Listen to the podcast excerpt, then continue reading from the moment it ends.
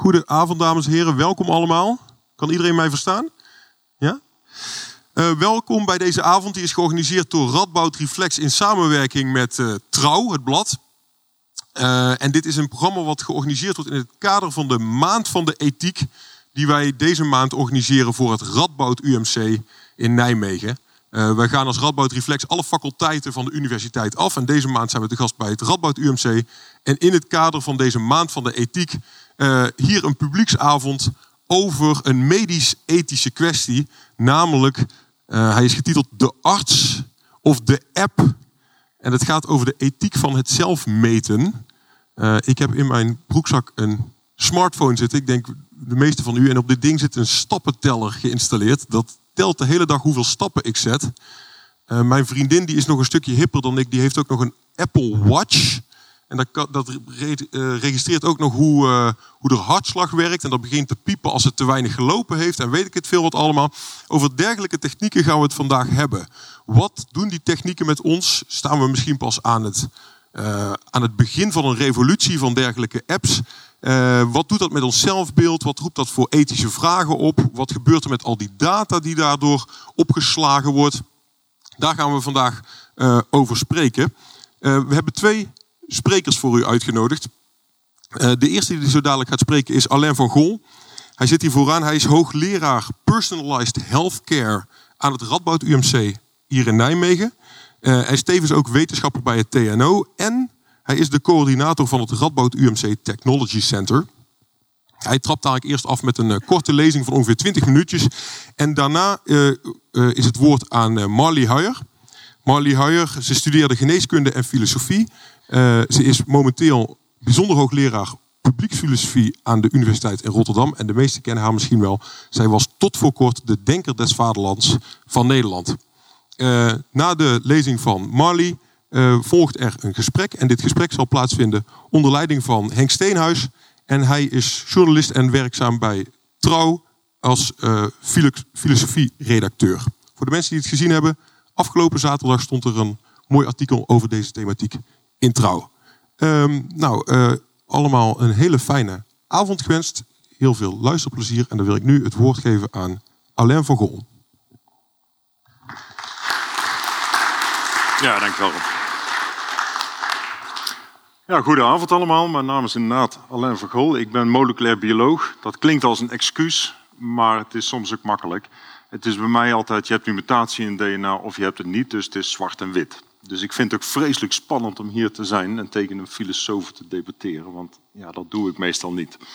Um, ik heb inderdaad verschillende rollen, uh, bij TNO enzovoorts, maar ik coördineer ook allerlei technologie. Um, omdat het uh, nuttig is om die efficiënter te gebruiken. En daar wil ik wat meer over vertellen. Maar om even af te trappen, en dit vertel ik mijn studenten heel vaak, besef even dat wij nu in de toekomst leven. Kijken ze me heel vreemd aan. Maar ik zeg, wij leven ongeveer nu, twintig jaar nadat ik in jullie stoel zat en aan het promoveren was. En zaken waar ik toen drie jaar over deed, kun je nu in een paar dagen doen.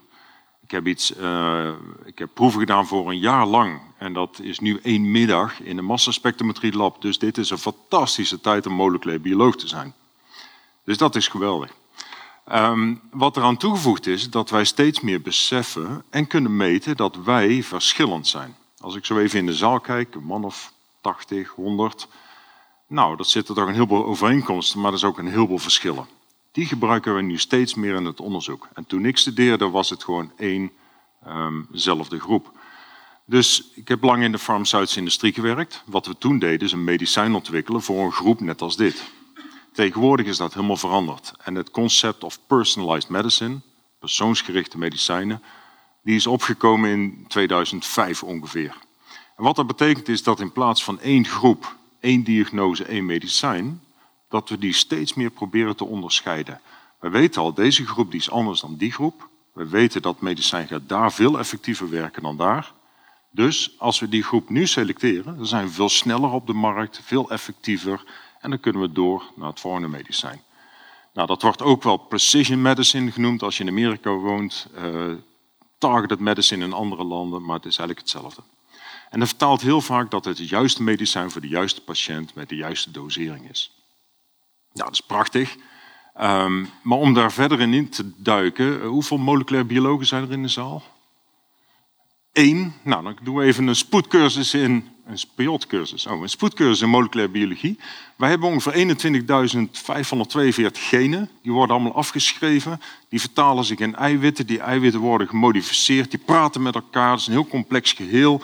Dat zit in een cel wat heel dens is. Die praten we met elkaar in een weefsel. En dat samen met een velletje eromheen, dat is een mens. Nou, dat is de moleculaire biologie. Dus uh, wat we nu kunnen in een laboratorium is dat in ontzettend grote detail bestuderen. Het kost nu ongeveer drie uur, 300 euro, om uw genoom, uw DNA te sequencen. De volgorde te bepalen. Toen ik studeerde, kostte dat ongeveer uh, nou, zo'n 40 miljoen dollar en het duurde ongeveer drie jaar. Er moesten 30 labs samenwerken. Dus dat is een geweldige vooruitgang. Massaspectrometrie zal ik niks over vertellen, maar dan kun je naar eiwitten kijken, de kleine werkers in de cel. Imaging, dat je in meerdere dimensies in je hersenen kunt kijken zonder het open te snijden. Dit zijn fantastische uh, ontwikkelingen.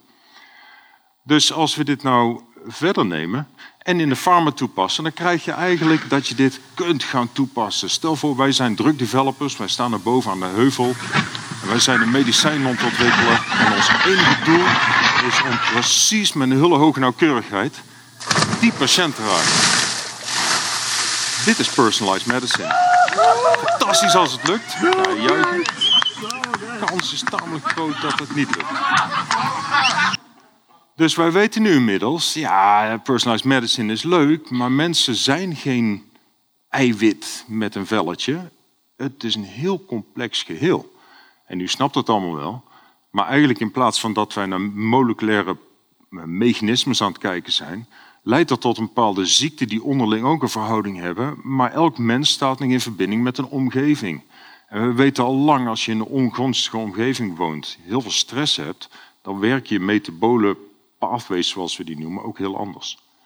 Dus die omgeving heeft een heel groot effect op jezelf. Verschillende netwerken, verschillende risicofactoren. En mensen hebben verschillende voorkeuren. Als je niet aan je gezondheid wilt werken, nou, dan doe je het toch niet. Dus mensen zijn niet maakbaar. En dat suggereert de moleculaire biologie wel. Dus daarom vind ik het geweldig om in een UMC te werken, want daar uh, doen we dat uh, te voeten uit. Dit is niks nieuws. Uh, destijds Hippocrates die zei al, het is veel belangrijker om te weten welke persoon een ziekte heeft dan welke ziekte die persoon heeft. De persoonlijke omgeving is veel en veel belangrijker. Wat kunnen we nu doen? We kunnen dat uh, uitleggen. Dus je hebt data, biodata, meer en meer, deels moleculair, deels niet. Dat leidt tot een soort patroon voor jezelf. Dat patroon moet je dan vervolgens kijken van, nou, welk profiel past nou eigenlijk bij mijn risico? En dan kun je een interventie doen. Dat kan soms een farmaceutisch medicijn zijn. Soms moet je wat meer bewegen, soms wat ander eten, soms een combinatie. En bij de een werkt het anders dan voor de ander. Daar zitten we middenin. Dus this personalized medicine is meer welke therapie of welke preventie werkt nu het beste voor jezelf. En ik vergelijk het heel vaak met een, uh, met een auto. In een auto zitten gemiddeld zo'n 6000 of 600 sensoren. U heeft geen idee hoe die sensoren werken. Maar u weet wel, als er een lampje op het dashboard gaat branden van een beetje geel-oranje lampje en er staat een, een, benzinetankje op, dan weet je, nou, ik moet gaan tanken. Want wie rijdt er een auto van u? Wie is vandaag met de auto gekomen? Hebben jullie vanmorgen gepolst hoeveel benzine er in de meter zat? Nee, natuurlijk niet. Je vertrouwt helemaal op dat lampje. Wij gaan er naartoe, dames en heren, dat de biomarkers het benzinelampje van onze gezondheid worden. Die geeft op een gegeven moment aan, voor u zit er een risico, u moet nu dit doen. Andere metafoor is eigenlijk een, routeplanner. Ik moest pas alleen naar Brussel, dat ligt hier. Hier ligt Mechelen, hier ligt Antwerpen. Er zat er een megafile hier en een megafile hier. Ik heb zo'n tomtom in de auto die suggereerde... als je nu hier deze afslag pakt, dan heb je geen incidenten en nul minuten vertraging. Ik vond hem zo mooi, daar moest ik even een foto van maken. Maar daar gaat het naartoe. Dus je weet niet hoe die biomarkers werken... maar je probeert er zo makkelijk mogelijk om je gezondheidsrisico's heen te gaan. Er zitten ook allerlei caveaten bij en daar zal ik direct wat meer over ingaan. Wat er meer is veranderd, Onze wereld is veranderd. Wij zijn digitaal geworden. Dit plaatje van de paus, de, eh, de verkiezingen heeft u vast wel eens gezien. Geen mobieltjes hier, alleen maar mobieltjes hier. Uh, paus Franciscus die gaat lekker selfies maken met mensen. Uh, geweldig. Als je nu kijkt met de jongeren, je zult allemaal wel met kinderen bekend zijn. Nou, heel veel is veranderd, dat niet. Dus de mensen zitten massaal in de mobiele. Dus we hebben nieuwe data. Nou, deze nieuwe data, dat is een exploderend veld. Als we denken dat we met het lab snel gaan, nou, dat is een schijntje vergeleken hiermee. Dus we hebben allerlei monitors waarmee je bepaalde cruciale functies kunt meten. Dit is een hoofdband waarmee je een EEG kunt maken, dus je hersengolven. Kunnen allerlei manieren om je DNA te sequencen. Dat wordt, uh, labwaardes worden door patiënten thuisgenomen om dat thuis te doen, zodat ze snel naar huis gaan. En allerlei draagbare tools, zoals die wearables worden genoemd. Dat gaat allemaal via je smartphone naar de Internet of Things. Fantastisch. Wat daarmee uh, geldt is dat het zoveel mogelijk gepersonaliseerd wordt. Nou, sommigen doen dat beter dan anderen. Ik heb een tijd geleden ook zo'n smartwatch gekocht. Dus je krijgt allerlei dashboards. Dit ben ik, dit is samen. Dus je kunt het delen met anderen. Je kunt jezelf je health ontdekken. Mwah, het, uh, het nut van sommigen is beperkt, maar het is er wel.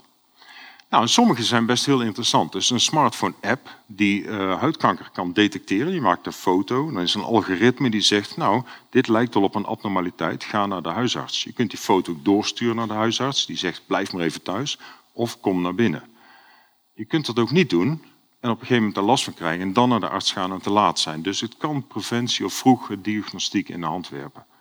Deze vind ik ook wel aardig. Dat is een bepaalde app die continu meeluistert. Uw telefoon die in uw uh, jaszak zit, die luistert continu mee met uw stem. Als uw stemgeluid verandert, het wordt wat schriller, wat intensiever, dan kan dat duiden op een stress die er optreedt. Heel langzaam. Dat is super personalized, want het is uw stem. Op een gegeven moment, die stemmingverandering, die kan een indicatie zijn. Die indicatie zeggen ze, nou, dat kan best wel eens richting depressie of psychiatrie gaan. Maar dat is zelfs nog een leukere dat de NHS, dat is de Engelse gezondheidsverzekering, die heeft dus gezegd, nou, die stemherkenning die kan een vroege detectie zijn voor hartfalen. Twee weken eerder dan een hartaanval kunnen wij detecteren door die app te gebruiken. Die hebben ze zelfs vergoed in het, in het uh, ziekenfonds daar. Klopt dat? Nou, dat is dan een tweede. Wat mij persoonlijk heel erg raakt, en dat doe ik met mijn team hier in het Radboud, is eigenlijk om deze innovaties van het lab te vertalen naar iets wat we allemaal als mens kunnen gebruiken. Wij meten in het lab, wat daar links staat, meten met één bepaalde analyse zo'n zo miljoen signalen. Um, nou, dat doen we met 200 samples, dus we hebben ongelooflijk veel data. Zo'n smartwatch die is wel leuk, maar die, die meet de stappen. Dat deed je 100 jaar geleden ook al. Als je daar meer in wilt doen, dan moet je er allerlei dingen op klikken of verbinden. Dat is nog vreselijk ouderwets. Dus je moet er eigenlijk die beweging maken. En dat begint best goed te gaan. Dus soms uh, brengen ze de, het lab naar de mens. Dit was in Manchester, brengen ze een MRI naar een shoppingmall, dat je even snel een scan kon maken. Nou, moeten we dat doen. Uh, en het sequencen natuurlijk van je genoom. Wie, wie heeft ooit gehoord dat je je eigen DNA kan sequencen? Wie heeft het ook gedaan? Ah, ik kom zelfs wel eens in Gremia en daar heeft gewoon 100% dat, dat gedaan. Nou, ik heb het natuurlijk wel gedaan, want ik denk als je dit hierover praat, dan moet je ook ervaren wat het met je doet. Dus dat was best grappig. Ik heb bij 23andMe uh, met een stel collega's van TNO in dit geval uh, mijn DNA opgestuurd en je kreeg uh, na een paar maanden kreeg je dat, of een maand kreeg je dat thuis. Nou, er zitten nu wel leuke dingen in. Dus ik heb bijvoorbeeld een 23% kans op blond haar. Dus ik dacht altijd dat het grijs was, maar dat is blond, want mijn genen zeggen dat. Um, en dit vonden mijn kinderen wel leuk. Ik heb dus 3,1% Neandertaler DNA in mij, terwijl de gemiddelde Europese man heeft 2,7. Karakteristieken, donkere wenkbrauwen, laagliggend voorhoofd en dat baardje, dat helpt ook niet. Dus daar zitten ze me vrolijk op uit te lachen. Maar er zitten ook wat semi-serieuze dingen in. Bijvoorbeeld, ik heb een ietsje verhoogde kans, genetisch risico, op longkanker. Is dat waar? Is niet waar? Bij mij is het zo'n vaag alarmbelletje. Ik was toch al niet van plan om te gaan roken. Dat ga ik zeker niet doen. Maar als dit hoog zou zijn, dan zou het een reden zijn om naar een huisarts te gaan. Om te kijken, is dit vals positief of negatief? Dit is ook wel een leuke. Er staan bepaalde uh, medicijnen die hebben een bijeffect als je een bepaalde mutatie in je DNA hebt. Er zijn er een stuk of 35 bekend. Als je een mutatie hebt, dan uh, wordt zo'n medicijn snel omgezet tot een heel schadelijk bijeffect. Heb je die mutatie niet, dan is dat niet. Dus ik heb pas afgelopen jaar in een taskforce gezeten om minister Schippers te adviseren. Moeten we dit nu in de huisartspraktijk toestaan? Dat een huisarts dit kan aanvinken, waarna er een beetje wandslijmvlies wordt afgenomen. Het wordt in een lab bepaald, zodat ik kan bepalen deze persoon wel of niet heeft bijeffecten bij dat medicijn. Nou, daar zit een heel veel ethiek bij, dus dan kom je precies op het vlak waar we het vandaag over hebben. Maar dit is een lab. Uh, gebeuren. Nou, dit gaat steeds verder richting de medische kant. In plaats van glucose meten kun je nu een stickertje opplakken en je scant met een app eroverheen omdat er een verband is. Super makkelijk. Mensen kunnen gewoon blijven slapen. Zo zijn er talloze uh, voorbeelden erbij. En dit is nou enorm hot, is dat je eigenlijk een stukje plastic hebt en in dat plastic zit een klein stukje papier waar een substraat van een reactie zit. Dus je doet een heel klein beetje bloed, een druppeltje bloed, dat zuigt zich in dat filtreerpapier, dat zet een bepaalde enzymreactie en je hebt een kleur. Die kun je scannen met je smartphone en je hebt eigenlijk een mini-lapje die je zo uitrolt. Kost heel weinig, wordt heel erg uitgerold als een mini-lab gewoon in het veld in Afrika. De Google eh, Fair had hij ook gewonnen. Nou, en ik kom, zoals ik al zeg, kom ik wel eens in, uh, in, in uh, bijeenkomsten. Dit is de Exponential Medicine Meeting in San Diego. Een geweldige uh, enthousiaste groep van ongeveer 300 man. Al deze mensen hebben hun DNA gesequenced, sommigen helemaal volledig. Um, ik vertelde net ter voorbereiding, toen werd er bij de koffie werd er een, een kit uitgereikt om je darmbacteriën te sequencen. Want dat zijn je vrienden, die zitten in je darm en die bepalen jouw gezondheid. Nou, ongeveer 80% van alle mensen heeft die kit gedaan. Dat, dat soort lui. Dat zijn de quantified self die ook chips implanteren om zichzelf beter te kunnen monitoren. Uh, dat soort lui. Dus als je ergens daar iets meer van wilt weten en gebrainwashed worden, dan is dat wel erg leuk. Dus je zit in een demo room. Ik zit hier bijvoorbeeld door een hartklep te, uh, te kijken. Dit is Jeroen Tas van Philips die die hersengolfband uh, om heeft. operatierobots enzovoort. Nou, inmiddels zijn er 164.000 apps om je gezondheid te monitoren. En de mooiste vond ik nog toen ik nog een iPhone heb. En helaas heb ik er een foto van gemaakt. Toen kon ik op het scherm spugen. En dan had je een spectral imaging van het scherm. En dan kleurde het groen of rood om aan te geven of ik gezond was. Nou, dat is de reinste onzin. Um, en hier zit een heleboel onzin en zin bij. Dus u heeft vast wel in het nieuws gezien dat minister Schippers ook adviseerde: moeten we geen keurmerk voor apps hebben om het grootste onzin eruit te, uh, te filteren. Nou, daar kun je iets voor zeggen. Uh, daar kun je ook tegen zijn. Daar is een heleboel discussie over. Maar ik weet, er zitten een heleboel onzin dingen. Dus eigenlijk die drie aspecten waar het echt om gaat in personalized healthcare, die moet je eigenlijk geadresseerd hebben. Om gezond te blijven en ik wil me meten, wat moet ik eigenlijk meten? En hoeveel mag dat voor mij veranderen voordat een alarmpje afgaat? En wat moet ik dan doen? Niet wat mijn buurman moet doen, maar wat moet ik doen? En dat zijn vragen waar we eigenlijk helemaal nog geen antwoord op hebben. We ontdekken steeds meer, maar om dat te vertalen naar persoonlijk advies is nog verschrikkelijk moeilijk. En daar moeten we echt als veld nog eh, een hele grote slagen maken. Nou, om hiermee te eindigen, dat dit is een, een, een visie die Jan van der Greven, een super collega van TNO, uh, al jarenlang heeft uitgedragen. En hij zegt, dit totaalbeeld, daar gaat het eigenlijk om. Wij hebben hier in de loop van de tijd, wat hier over de, op deze as ziet, meten wij, uh, is dit onze gezondheidsprofiel. En u ziet dat wij in een tijd in de gezondheid zitten en op een gegeven moment worden we gechallenged. We krijgen bijvoorbeeld iemand op de koffie die een verkoudheid heeft. Worden wij dan ook verkouden of niet? Ons lijf is in stress. Als wij goed uh, veerkrachtig zijn, dan veren we terug naar onze gezonde situatie. Op een gegeven moment dan verliezen we die veerkracht. En dan komen we dus in een soort zieke zone. En u kent dat wel. U uh, slaapt slecht. Uh, een, een koortslip is een prachtig voorbeeld. Heel veel mensen hebben een herpesinfectie, maar die komt pas op als de weerstand verminderd is. Uh, immuunreacties die continu een beetje echt in dat voorportaal zitten. En als je niet oppast, dan ga je dus volledig verder naar een zieke situatie. Als je dit vroegtijdig herkent en om kunt buigen, dan ga je weer naar die gezondheid. En zo oscilleren wij door, door onze gezondheid heen. Het is gewoon een weergave van wat we eigenlijk al doen. Maar hier zit een heleboel in, want dit doen we alleen maar door onze zelfmonitoring te doen. Vandaag voel ik mij ziek omdat ik me gisteren beter voelde. Continu zijn we onszelf met onszelf aan het vergelijken. Niet met mijn buurvrouw, nee, maar met onszelf. Dus dat leidt eigenlijk tot een persoonlijk profiel waar ik het toen straks over had. Moleculaire data, niet-moleculaire data.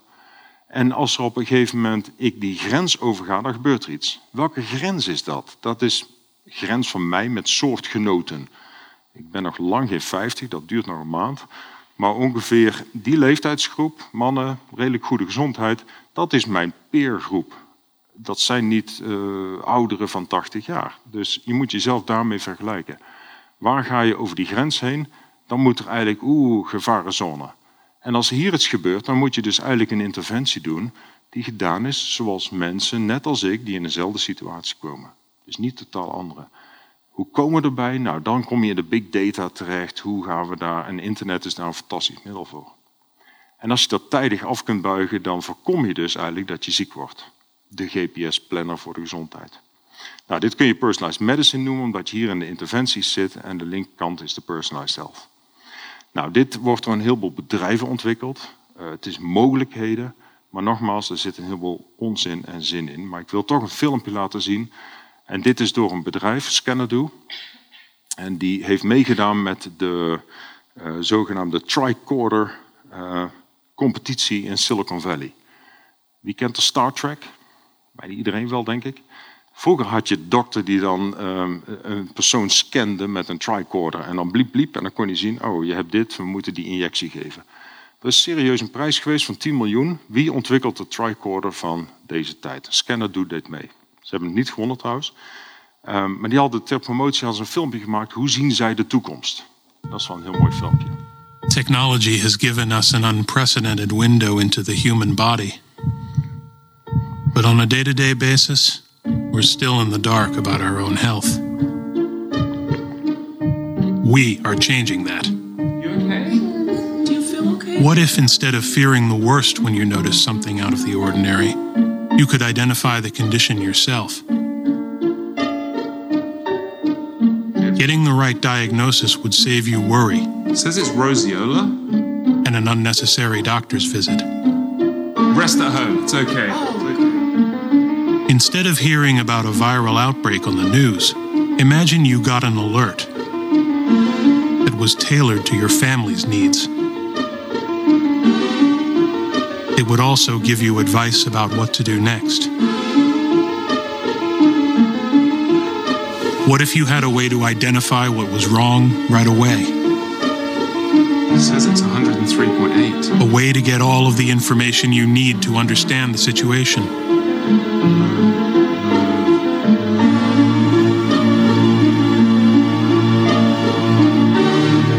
And in serious cases, you would know when and where to seek help. It recommends taking it to the urgent care. We're building a way for people to check their bodies as often as they check their email. It's all possible. And it's only the beginning. Beginning, sorry. Um, wie denkt dat dit allemaal kan? Wie denkt dat er één ding niet kan? Nou, die heeft de prijs gewonnen. Wat zou hier niet kunnen? Want die, die meting van dat urine, dat kan eigenlijk al. Dat plakkertje kan ook. Die apps natuurlijk wel. Enig idee? Het maken van een afspraak met de dokter, dat kan nog steeds niet uh, automatisch. Dus dat is eigenlijk het enige wat niet kan. De rest dus wel. En eigenlijk wil ik het daarmee afsluiten, ook met een uh, blik naar de toekomst. En dank u wel voor de aandacht.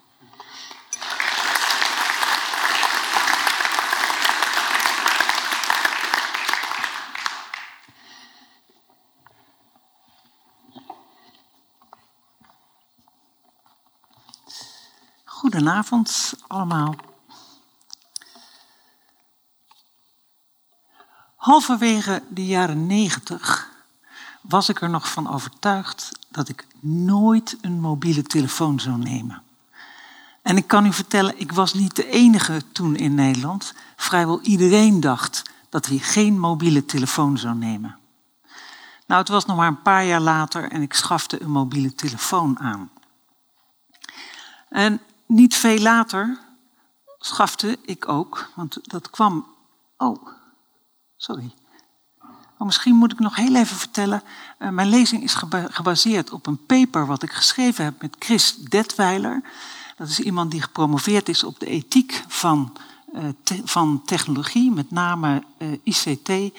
En hij werkt aan de Haagse Hogeschool bij IT en design. En ik ben daar ook nog voor een deel mee verbonden, dus vandaar dat deze lezing ook over gezondheidsapps gaat. Maar goed, in 2007 kwam Apple met de eerste smartphone. En uh, ik was natuurlijk ook zo iemand die toch vrij snel een iPhone kocht. Zo'n combinatie van mobiele telefoon met GPS. En eigenlijk dacht ik achteraf, in plaats van dat ik me zorgen maakte over die mobiele telefoon, had ik me veel meer zorgen moeten maken over die invoering van de smartphone.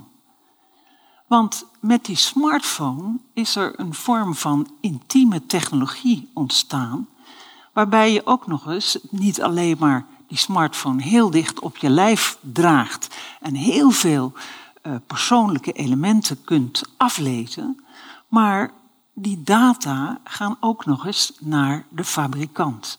Dus heel veel persoonlijke elementen worden je ontfutseld, wat met die mobiele telefoon niet gebeurde.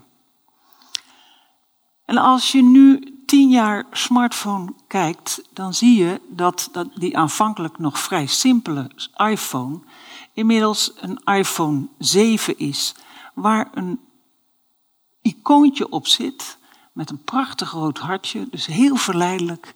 En dat icoontje, dat kan je er niet afhalen. En daaronder zit een gezondheidsapp. Als je hem opent, dan komen er allerlei apps uit waarmee je je gewicht kunt meten, je slaap, eh, je stappen, nou, noem maar op. Apple was daar niet de enige in. Uh, al in 2009 begon Fitbit met uh, zogenaamde wearables. In dit geval een dingetje wat je zo op een band uh, schoof. En dan vervolgens kon je je stappen, geloof ik, meten. Ik heb deze in de tijd nooit aangeschaft. maar voor deze markt aan gezondheidsapps veel belangrijker is dat je ziet dat vanaf 2014 op de smartphone gezondheidsapps worden geïnstalleerd, die het dus mogelijk maken om ongelooflijk veel elementen van ons te meten. Um, ik moet zeggen, dat het heel verleidelijk is om met dit soort eh, apps aan de gang te gaan. Ik heb zelf ook verschillende geprobeerd. Uh, en op een of andere manier wekken ze de indruk dat als je dat doet, dat het heel goed voor je is, dat je lekker bezig bent. Maar de vraag is natuurlijk, en dat is de vraag die ik als filosoof, ik kan het niet nalaten om die vraag te stellen, is dat nou eigenlijk wel zo? is die verleiding die in die smartphone zit en die ook in al die apps zit, is dat een verleiding waar we aan toe moeten geven? Of die nieuwsgierigheid die geprikkeld wordt om te weten wat, hoe het met je gezondheid gaat. Is dat nou eigenlijk werkelijk goed voor ons? Word je er werkelijk beter van? Word je er gezonder van? Of kan het zijn dat je via deze apps enorm gedisciplineerd wordt tot die ene hoge waarde in het leven, de gezondheid. Omdat ik er niet helemaal uitkwam, ben ik de filosofie in gaan doken en ben ik gaan denken, hoe moet ik dit nou filosofisch duiden? En ik wil u vanavond uh, drie manieren laten zien om die gezondheidsapps te duiden. En de eerste uh, ontleen ik aan de Quantified Self-beweging, die beweging waar mensen van alles van zichzelf meten, dat uh, opslaan en met elkaar delen via sociale media. En die zeggen het is een vorm van ken uzelf. Dus het is een vorm van zelfkennis. Je zou kunnen zeggen het is ook een vorm van zelfzorg. Daar zal ik meteen kritische vragen uh, over stellen. Dat ga ik nu niet meteen doen, maar dat zal ik straks doen. De tweede interpretatie is is het een vorm van disciplinering?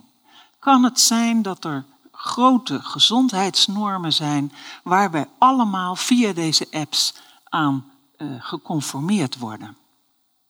Ik zal deze twee benaderingen zal ik kritisch uh, ondervragen om dan vervolgens met een alternatief te komen, niet vanuit de persoonlijke personalized healthcare, maar vanuit een publieke vorm van gezondheidszorg. En u heeft al op de slide dat woord we medicine en me medicine gezien. Uh, ik zal daar straks uitgebreider op ingaan. Dat zijn twee termen die afkomstig zijn van de Britse ethica Donna Dickinson. En zij maakt een onderscheid tussen me medicine, dus wat heel erg op ik is gericht, personalized medicine, en we medicine, wat veel meer een publieke vorm van gezondheidszorg is. Ik begin bij die eerste. Ken uzelf. Ik zei het al, dit is een slogan die gebruikt wordt door de Quantified Self-beweging.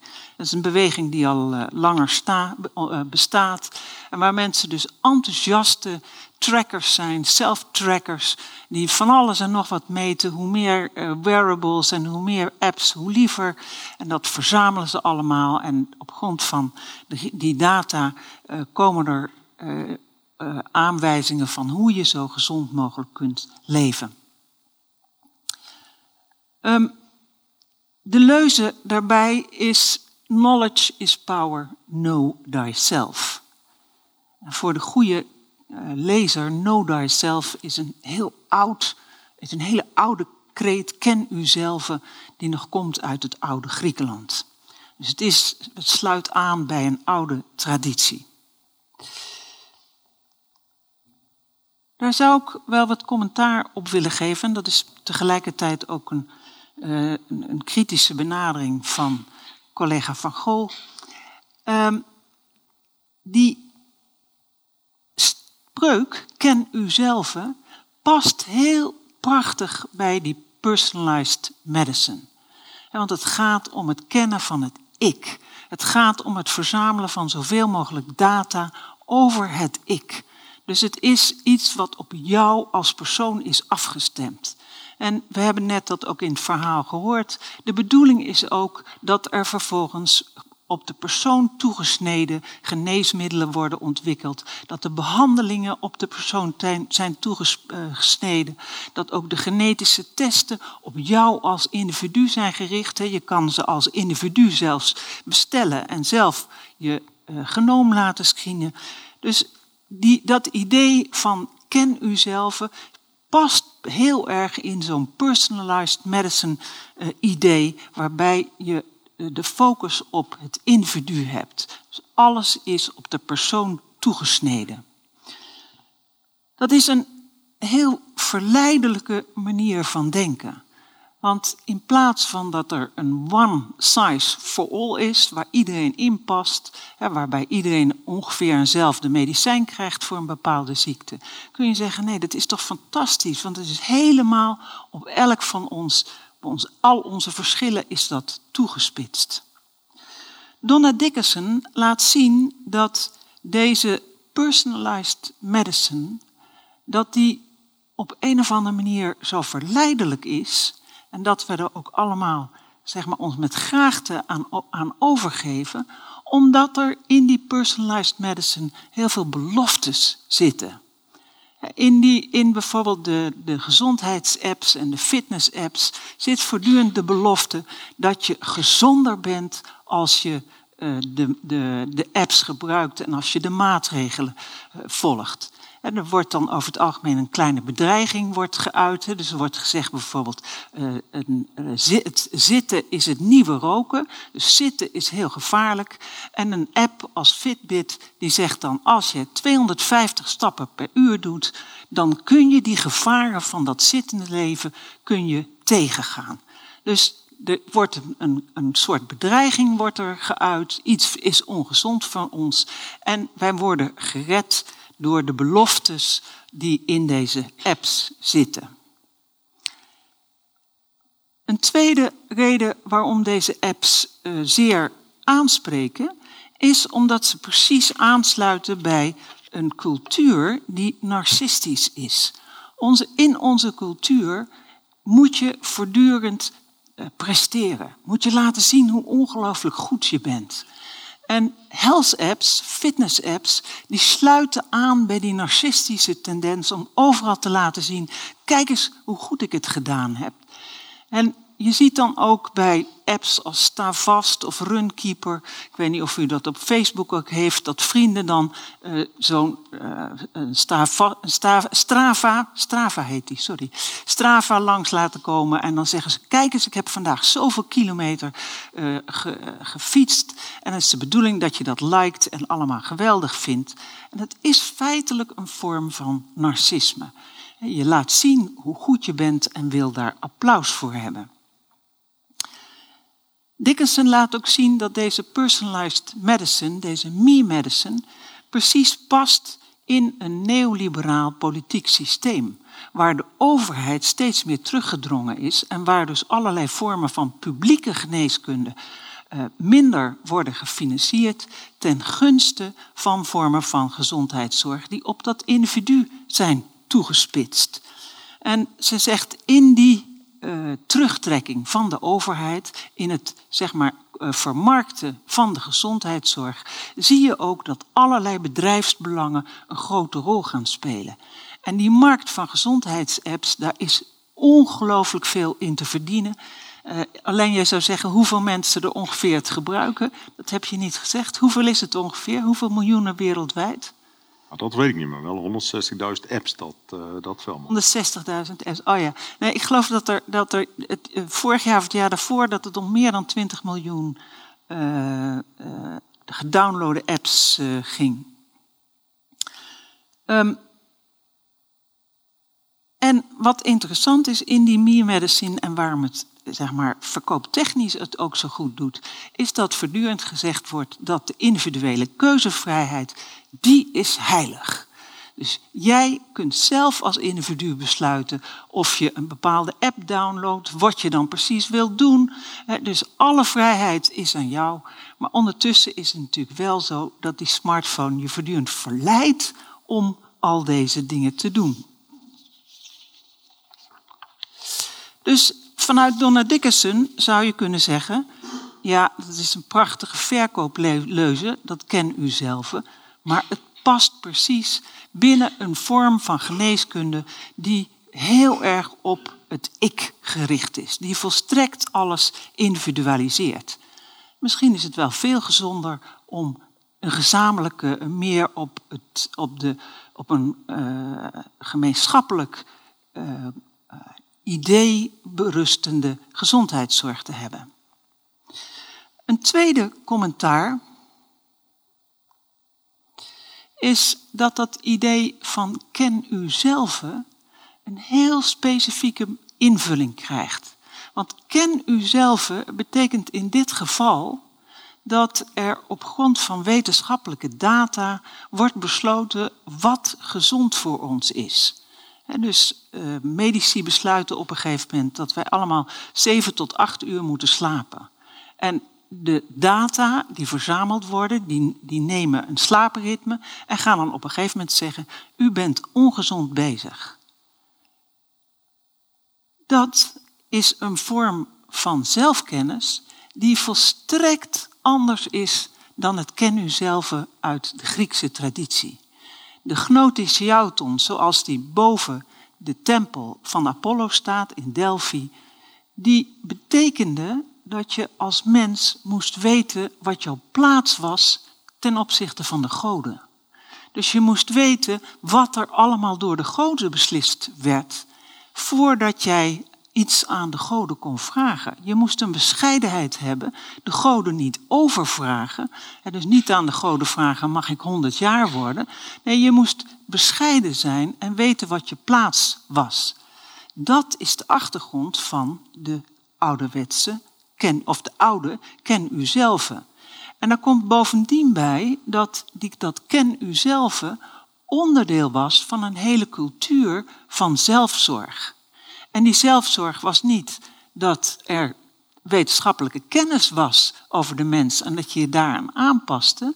Nee, die zelfzorg die betekende dat je keek welke er gevaren er in, in het leven waren. bijvoorbeeld seksualiteit werd als iets gezien wat gevaarlijk kon zijn. En dan moest je bedenken hoe je daar op een goede manier mee om kon gaan. En daar waren allerlei uh, zeg maar een soort receptenboeken, een diëtetiek heette dat, waar mensen uh, ideeën hadden over als het heel warm is, dan kun je beter veel seks hebben. Als het heel koud is, kun je minder, beter minder seks hebben. Dus er waren wel soort voorschriften van, uh, afgeleid van hoe de natuur in elkaar zat. Maar het was totaal niet gebaseerd op wetenschappelijk onderzoek. Veel meer op de directe waarneming, de directe ervaring. En binnen die zelfzorg was het belangrijk om ook jezelf te kennen. Te weten of jij een matig mens was of dat je juist heel gepassioneerd was in de seksualiteit. Kortom, dat ken u zelf van de quantified zelfbeweging is een volstrekt ander begrip dan het oorspronkelijke begrip. Laat ik dan naar mijn tweede interpretatie gaan, de disciplinering. O, heeft er net dat boek van Foucault al gezien? Wacht heel even hoor. Dat is een van zijn lezingen um, uit uh, de jaren tachtig, kort voor zijn dood is dat. En daarin beschrijft hij helemaal hoe dat ken u zelf en de zelfzorg met elkaar samenhangt. Maar er is ook een. Oh, wacht even hoor. Die kant op. Er is ook een eerdere Foucault, eh, Michel Foucault uit de jaren 70. En die heeft heel veel geschreven over disciplinering. Hij laat zien hoe vanaf de 18e eeuw de mens um, aanvankelijk op grond van disciplineringen uit het leger, langzaam maar zeker door allerlei maatschappelijke instituties wordt uh, gedisciplineerd. En dan moet je denken aan de school, waar de kinderen leren om op tijd te komen, waar ze leren om hoe ze op een stoel moeten zitten, hoe ze netjes moeten schrijven. Nou, kortom, wij zijn mensen die van jongs af aan worden gedisciplineerd.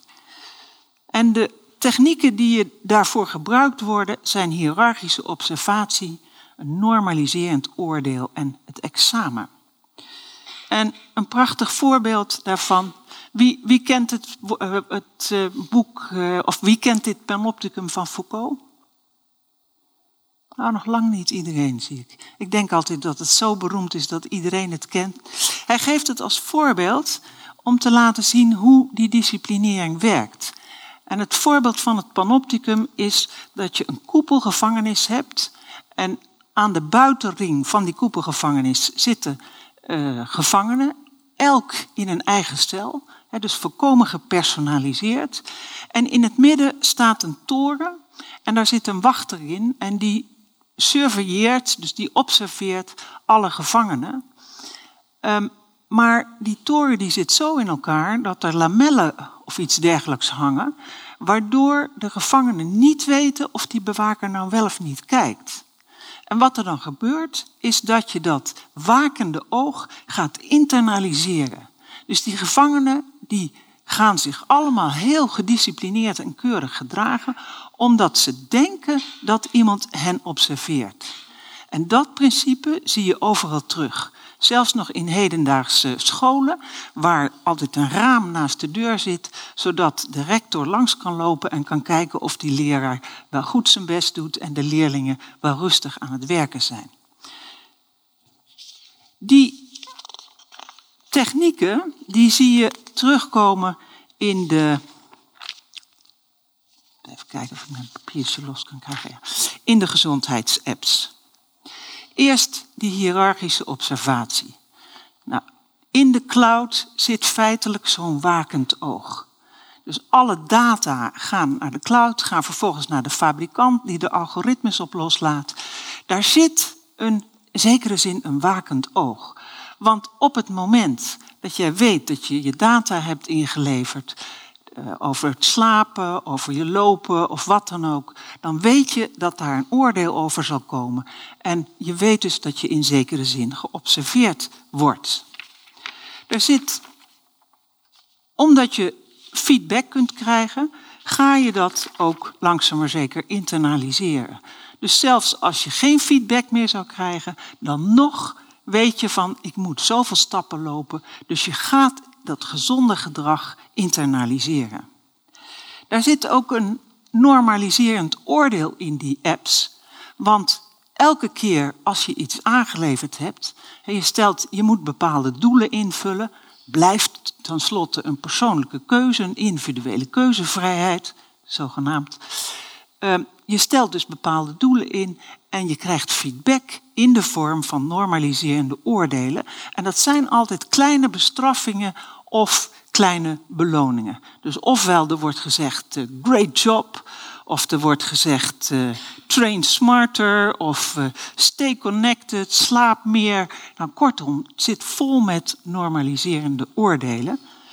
En uiteindelijk is er in die combinatie van hiërarchische observatie en normaliserend oordeel, wordt er een soort examen afgelegd. Het is niet een letterlijk examen, maar dat komt erop neer dat je gerankt wordt. Zoals je bijvoorbeeld op, de, op school wordt gerankt en je mag naar een volgende klas of je blijft zitten. En zo'n ranking zit ook in die apps. Sterker nog, bij Fitbit is het zo dat je uh, jezelf kan ranken tegenover je peers. Het is een interactief tool that lets you explore the entire Fitbit database to see how you stand up against your peers. Dus kortom, je wordt gerankt ten opzichte van alle andere gebruikers. En als je heel erg goed bent, als je 50.000, 55 stappen per dag doet, dan krijg je een soort badge, de blue shoe, de blue suede shoes. Foucault zou dit een vorm van disciplinering vinden waar hij niet over had kunnen dromen dat het zover zou komen. En wat interessant is, en dat zit ook al in de theorie van Foucault, is dat uh, wij zelf degene zijn die dit doen. Dus onze internalisering is zo ongelooflijk goed dat wij zelf in vrijheid gaan kiezen om gedisciplineerd te worden. Om ons allemaal aan te passen aan die norm van gezonde burger. En Donna Dickerson zegt dus ook van hier zie je een combinatie van me medicine en we medicine. Want het me medicine is dat de overheid, maar ook bedrijven er belang bij hebben dat wij allemaal gezonde burgers eh, zijn die zo lang mogelijk in gezondheid blijven leven. Maar dat gebeurt door ons als persoon aan te spreken. Wat zou het alternatief kunnen zijn?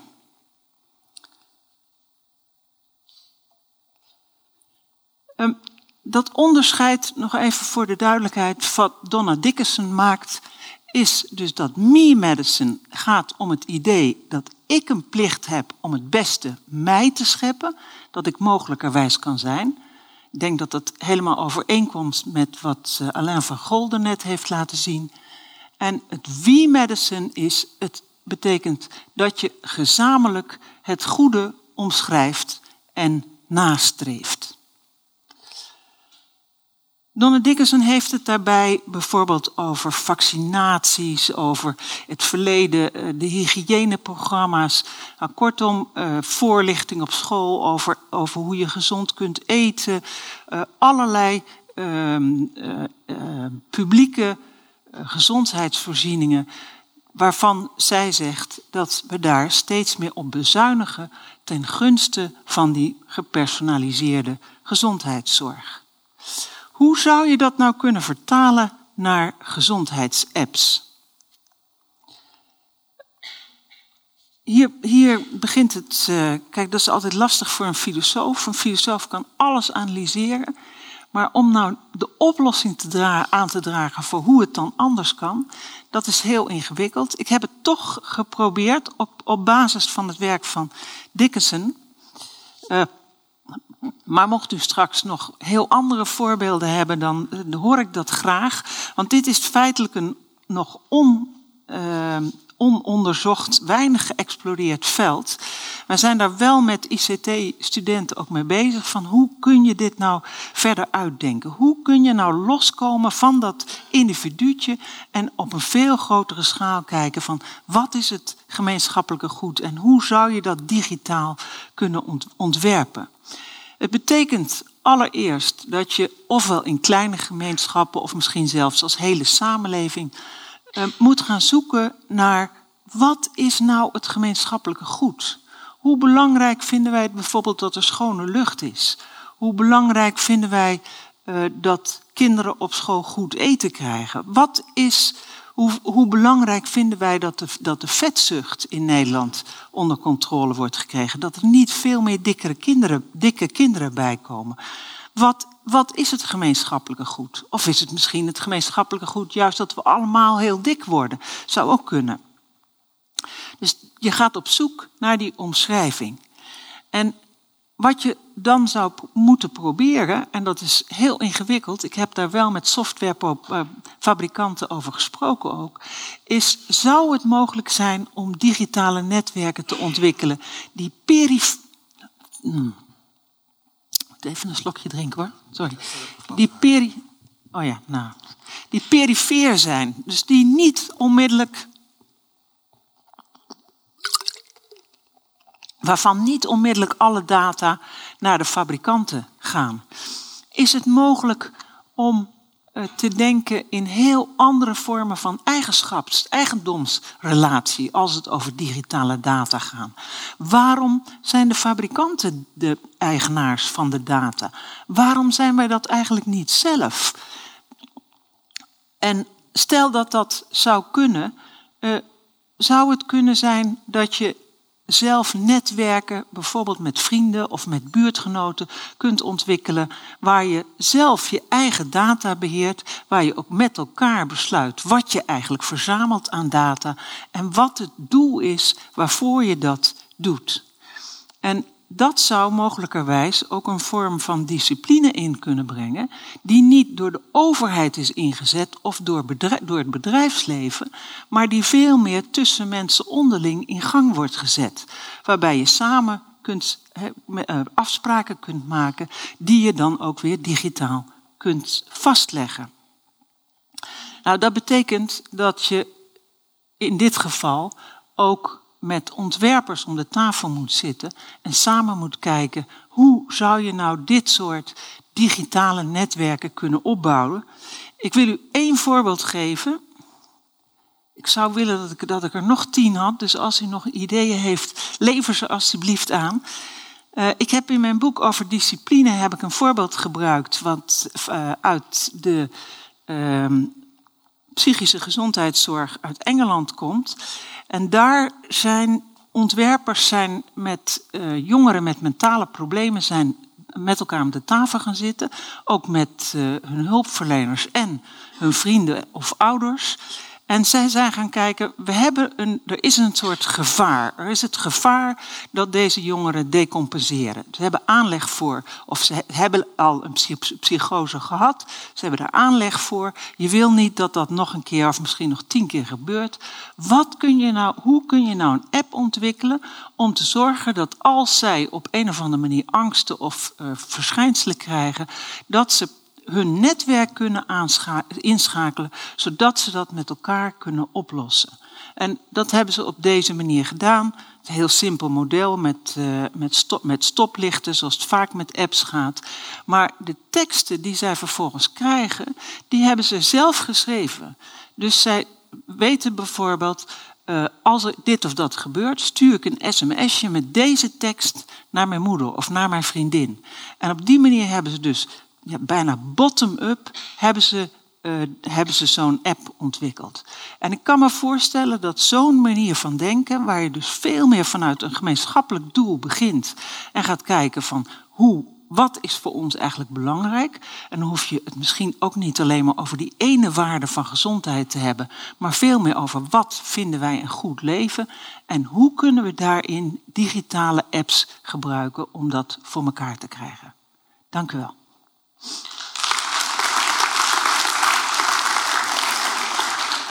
Allee, Marley, mag ik jullie uitnodigen hier te gaan zitten? Dan gaan we het nu voortzetten in de, sorry, in een discussie. Ik zou jullie eigenlijk even willen vragen, dat heeft Alain nog niet gedaan en Marley ook nog niet. Wie van jullie ehm, gebruiken zo'n ehm, gezondheidsapp? Oké, dat. Oh, even, heel even kijken. Ik even, toch wel een kwart, vermoed ik. Hadden jullie het idee dat het een beetje op een narcisme eh, gestoeld is? Wie herkent daar iets in? Ja, toch ook wel. Ja, ik zelf ook wel hoor. Moet ik, eh, ik werk dan met Strava en dat is wel wat narcistisch. Leuk. Ik ben benieuwd of we daar straks nog even op terug kunnen komen. Eh, ik, het lijkt mij ontzettend leuk om het ehm, behoorlijk met jullie te doen, het gesprek. Dus ik kijk af en toe. Er is een, micro- een loopmicrofoon. Ehm, we zullen hier de discussie voeren. Maar schroom niet om te zeggen: Oh, daar wil ik graag even op reageren. Dat maakt het alleen maar leuker in dit deel van het gesprek. Goed. Ehm, mag ik alleen met jou beginnen? Ehm, wist jij dat jij een op het narcisme gerichte wetenschap beoefende? Tuurlijk. Nee, ik, ik ben er op die manier niet zozeer mee bezig. Kijk, ik kijk heel veel naar de technische mogelijkheden en waar de gezondheidswinst is te boeken. En daar focus ik me op. Ik zit niet zozeer op het narcisme wel of niet. Dat is niet de kant waar ik meestal mee bezig ben. Maar daarom vind ik het juist interessant om deze discussies hier te hebben. Maar als je dit hoort, wat Marley zegt, denk je dan van, nou, Nou, ik wil Ja, er wel een kanttekening bij plaatsen. Want je zegt van me medicine is de plicht. Ik zie dit niet als een plicht. Ik zie het als een keuzemogelijkheid. Je kunt zo'n app openen of niet. Ik ken legio mensen die zien, hé, hey, er zit zo'n hartje daar. Klik het aan, ah, daar doe ik niks mee. Kijk er nooit meer naar. Die voelt geen verplichting. Dus het feit dat er apps zijn, wil niet zeggen dat je ze moet gebruiken. En die persoonlijke keuze, daar hecht ik heel veel aan. Want als jij niet aan je gezondheid wilt werken met dit soort tools of wat dan ook, dan, dan doe je het niet. Ben je er wel in, is dit een extra stimulans om jou te helpen. De mensen die een netwerk bouwen, zo'n sociaal netwerk via Facebook, is eigenlijk hetzelfde als, als zoiets. Dat is behoefte gedreven vanuit een groep mensen. Nou, die hebben de behoefte, dus die gebruiken dit. Die jut elkaar op omdat ze dat ook willen. Marley, is het echt zo eenvoudig? Je wordt verleid of je wordt niet verleid, of je kiest of je kiest niet. Klaar, keuzevrijheid, wat doe je nou moeilijk? Nou, het is inmiddels zo dat de teams die eh, achter het ontwikkelen van apps, maar sowieso van alle software op de smartphone eh, zitten, dat die eh, enorme expertise hebben op het gebied van psychologie, van neurobiologie, van eh, alles wat te maken heeft met, met media, verleiding en reclame. Kortom, dat zijn eh, ontwerpers die heel goed weten hoe je mensen zover kunt krijgen dat ze op apps of wat dan ook eh, klikken.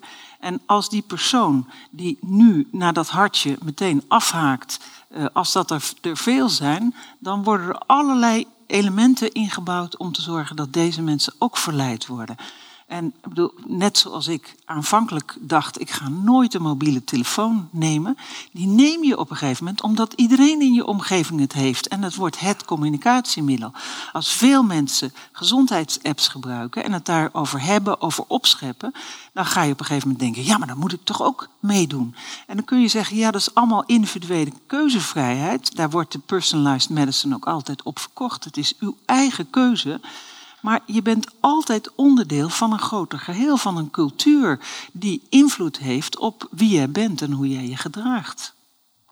We zijn iets minder individu dan we dachten. We zijn toch onderdeel van een gemeenschap en die disciplineert ons toch behoorlijk. Dat moet toch zorgen baren. Ja, mijn glas is altijd half vol en ik zie mooie mogelijkheden. En in dit geval, ik vind het fantastisch dat je dat kunt. Ik had een heel debat. En laat ik die metafoor nog even van een file pakken. Ehm, die, die werkt meestal wel goed. Ik had op een gegeven moment hier een, een, forum, discussie in de, in de andere zaal. En toen zat er een publiek een huisarts en die zegt... joh, ik wil dit allemaal niet weten. Toen ging het over of je eigen DNA moet sequencen en dat allemaal doen. Hij zegt, want als ik ziek word, dan waardeer ik des te meer dat ik gezond ben. Als het slecht weer is, waardeer je des te meer dat het mooi weer is. Ik zeg, maar als ik de keuze heb van ik zit in een, in een auto en ik weet ik ga over 10 kilometer in een file zitten die me een half uur kost. Of ik kan hier rechtsaf en ik vermijd die file en ik ben 25 minuten eerder thuis. Dat is mijn keuze. En ik kan dus besluiten, ik rij rechtdoor, want dan, jee, ik zit stil. Ik kan even aan mijn gemoedsrust werken. Of ik vermoed dat, dat is een keuze. Zo kun je dat in extremo doornemen. Want iets wat we nog helemaal niet geraakt hebben, die apps die kosten geld. Hè? Er zijn veel mensen die dat kopen. Heb je wel die mogelijkheid om dat te doen? Zo'n TomTom, ingebouwd in een auto, kost 60 euro per jaar. Heb je dat geld wel? Heb je überhaupt een auto? Of zit je met je papieren kaart thuis te kijken, oh, ik moet zo rijden en ik zie wel. Dus er zit een hele ongelijkheid in de samenleving, die misschien een veel groter probleem is dan het opgelegd krijgen van een keuzemogelijkheid. We hebben een hele grote, we hebben in Nederland best weinig verschillen in de samenleving vergeleken met andere landen, maar daar zit wel een heel groot verschil. Dit is de happy few die lekker een smartwatch en een smartphone kan kopen. Ja, dat, uh, dat is een heel ander iets.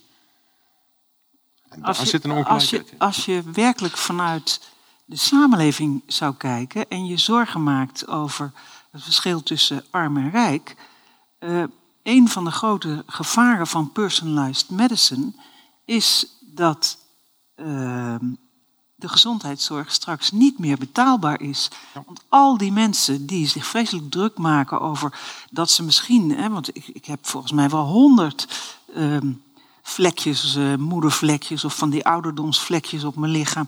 Als ik die allemaal ga fotograferen en naar de huisarts ga sturen.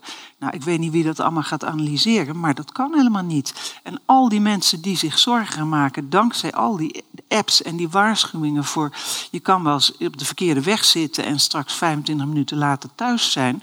Ga, je, ga dat nu alsjeblieft meteen oplossen. Die zorgen ervoor dat die gezondheidszorg steeds duurder wordt. En dan wordt die gezondheidszorg ook nog eens steeds meer gepersonaliseerd. En kijk, als je hoge bloeddruk hebt en de arts geeft gewoon aan iedereen Lasix, een, een plaspil, en zonder dat dat gepersonaliseerd is, is dat heel goed te betalen. Maar als iedereen een heel apart, eh, gepersonaliseerd anti-hoge bloeddrukmiddel krijgt, wordt de gezondheidszorg vele malen duurder. En wie worden daar de dupe voor? Van juist die onderlaag. Want omdat de, de geneeskunde duurder wordt, moeten we premie hoger.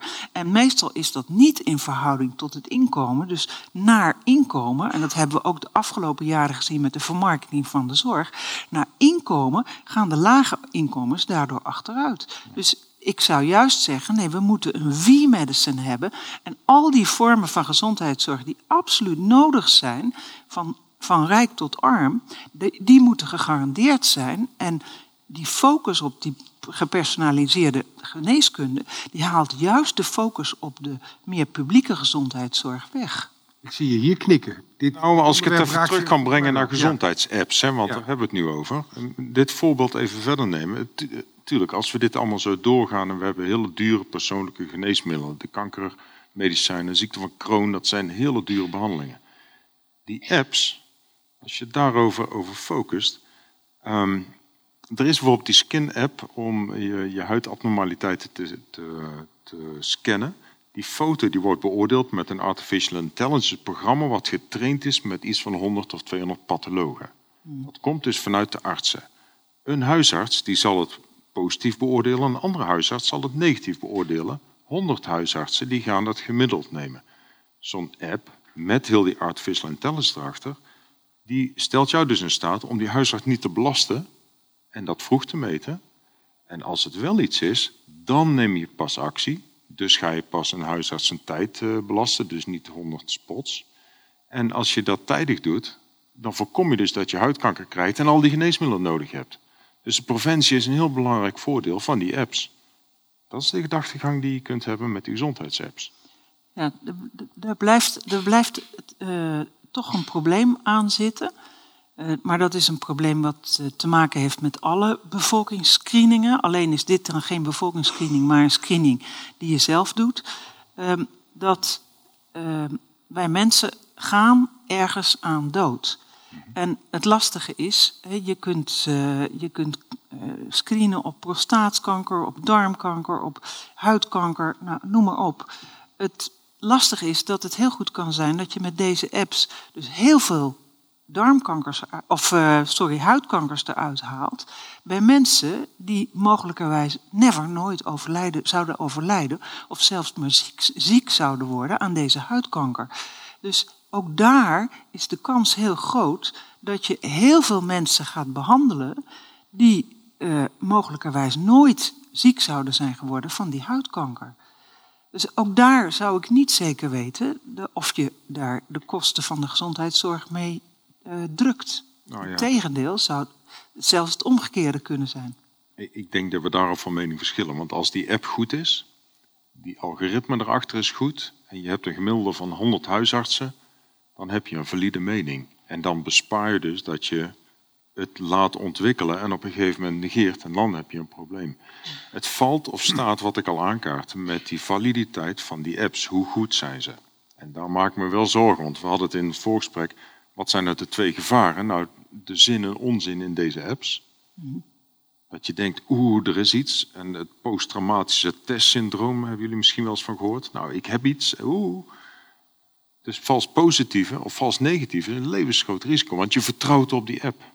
Nou, dat, dat is een. Maar daar worden wij toch allemaal hartstikke hypochonder van? Ik bedoel, ik zie iedereen dan vervolgens al al die vlekjes eh, fotograferen en opsturen. En maar angstig verwachten van, oh jee, als het maar geen. En wij mensen hebben heel veel vlekjes. Dat is toch de keuze die je hebt. Als je daar toch niet in gelooft, dan wacht je toch gewoon tot er iets gebeurt en dan ga je naar de huisarts. Je hoeft geen telefoon te. Maar wacht, ik wacht heel eventjes, want daar, daar kom jij veel op terug. Um, ik zie allerlei vragen, precies. Meneer linksachter. Ja, wacht u heel even. Misschien kunt u even gaan staan, dan kunnen we het beter um, volgen. Nou, u hoeft straks, de ja, stappenteller die zal zeker voldoende zijn. Bij de... Uh, ik ben uh, voor een week geleden bij de huisarts geweest. Ja. Om een soort check-up te, te, krijgen. Hè. Dat doe je dan als je wat ouder bent. Ja. Uh, ben ik s'morgens uh, bij de praktijkverpleegkundige geweest kreeg een opdracht uh, om de andere dag ook een hartfilmpje te laten maken. En dat hartfilmpje werd ook bekeken door de arts. Als we het over kosten hebben, is daar een belangrijk element. Als ik thuis uh, mijn hartfilmpje kan maken, de dokter moet dat beoordelen. Dat vind ik ook logisch dat er een deskundige naar kijkt. Dan heb je in ieder geval die app gebruikt in de zin van het is een stuk goedkoper, makkelijker en het is direct uh, on demand. Ja, dus u zegt het is een uitstekend middel. Het is een uitstekend middel. Niet altijd toepasbaar, maar in dit geval bijvoorbeeld is het heel goed toepasbaar. En ik denk dat er veel meer voorbeelden zijn waarbij je die app uh, op die manier zou kunnen inzetten. Ja, ik zie allerlei reacties. Maar heel even wachten, dan ga ik nog eventjes naar meneer in het midden.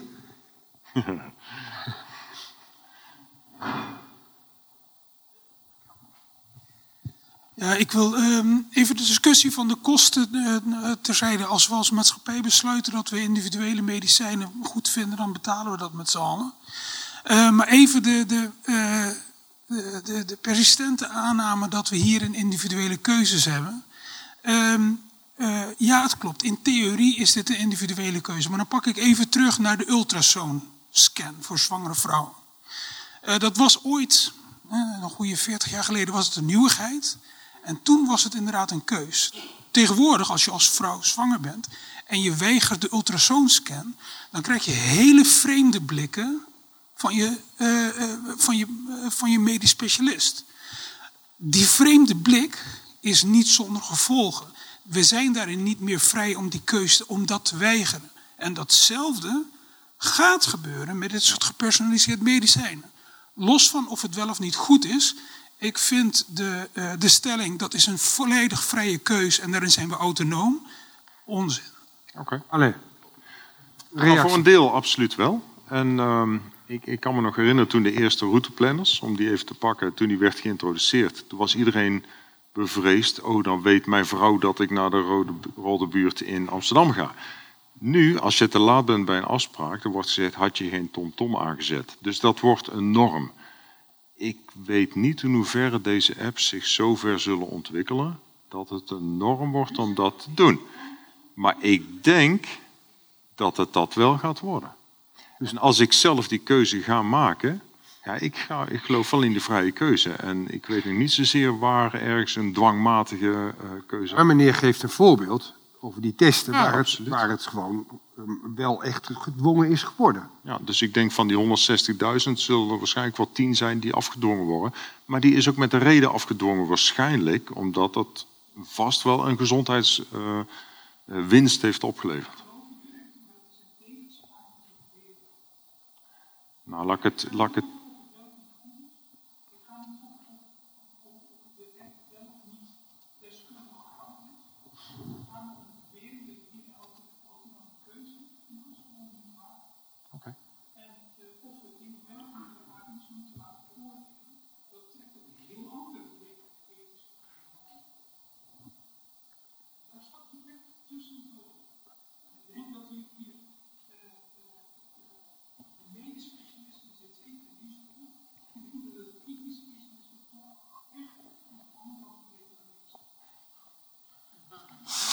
Goed, ik ga even door.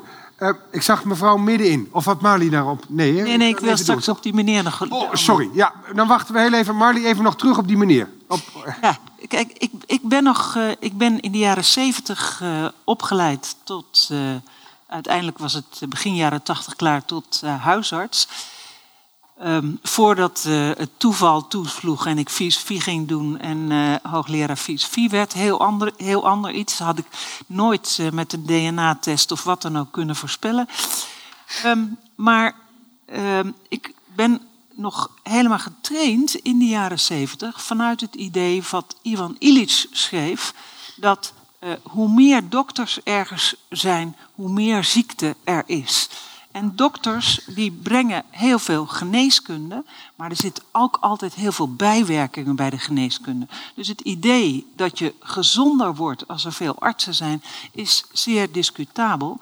En tijdens mijn huisartsopleiding was het ook zo dat wij gewoon helemaal opgeleid werd van nooit een screening doen. Want uh, de kans is altijd groot dat iemand een hartfilmpje heeft gedaan, en alles onderzocht is en op het parkeerplaats buiten de huisartspraktijk neerstort, omdat, die, omdat er iets toch niet gemeten is. En je ook de toekomst niet helemaal kunt voorspellen.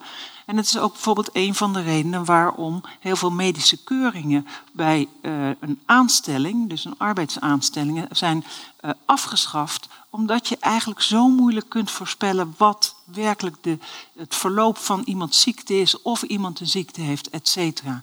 En ik ben de, met de huisarts waar jij het net over had, die zei van, maar het is toch ook goed om even te voelen wat een ziekte is en vervolgens te behandelen. Daar, daar vind ik heel veel waarheid in zitten, omdat je dan ook redelijk onbezorgd kunt leven. En op het moment dat een ziekte zich voordoet, dan, ik bedoel, de geneeskunde is op zoveel gebieden zo ongelooflijk goed, dat als de ziekte zich voordoet, er ook nog heel erg veel behandeling is. Dus het is niet zo dat je meteen dood neervalt als je niet al die screening en al die testen doet.